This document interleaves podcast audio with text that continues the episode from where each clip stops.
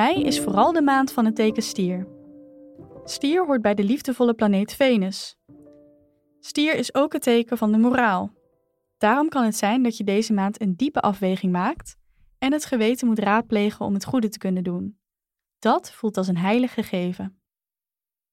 In de maand mei kun je te maken krijgen met een morele kwestie die zich afspeelt op het gebied van reputatie en carrière, je positie in de buitenwereld. Hoe kijken mensen tegen je aan en hoe ver wil jij gaan om je ambities waar te maken?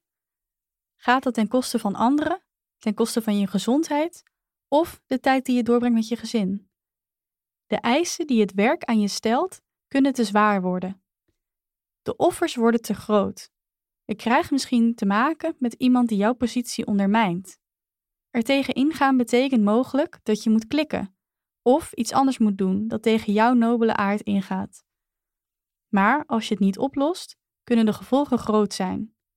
Dan heb je veel wijsheid nodig en vooral een vertrouwenspersoon aan wie je de situatie kunt voorleggen. Uit deze lastige situatie kom je waarschijnlijk niet op eigen houtje. Dan kan een goed gesprek met je partner of met iemand in de werksituatie de reflectie geven die je nodig hebt om tot een oplossing te komen. Een oplossing waarbij jij jezelf naar de hand nog steeds zonder schuldgevoel in de spiegel kunt kijken.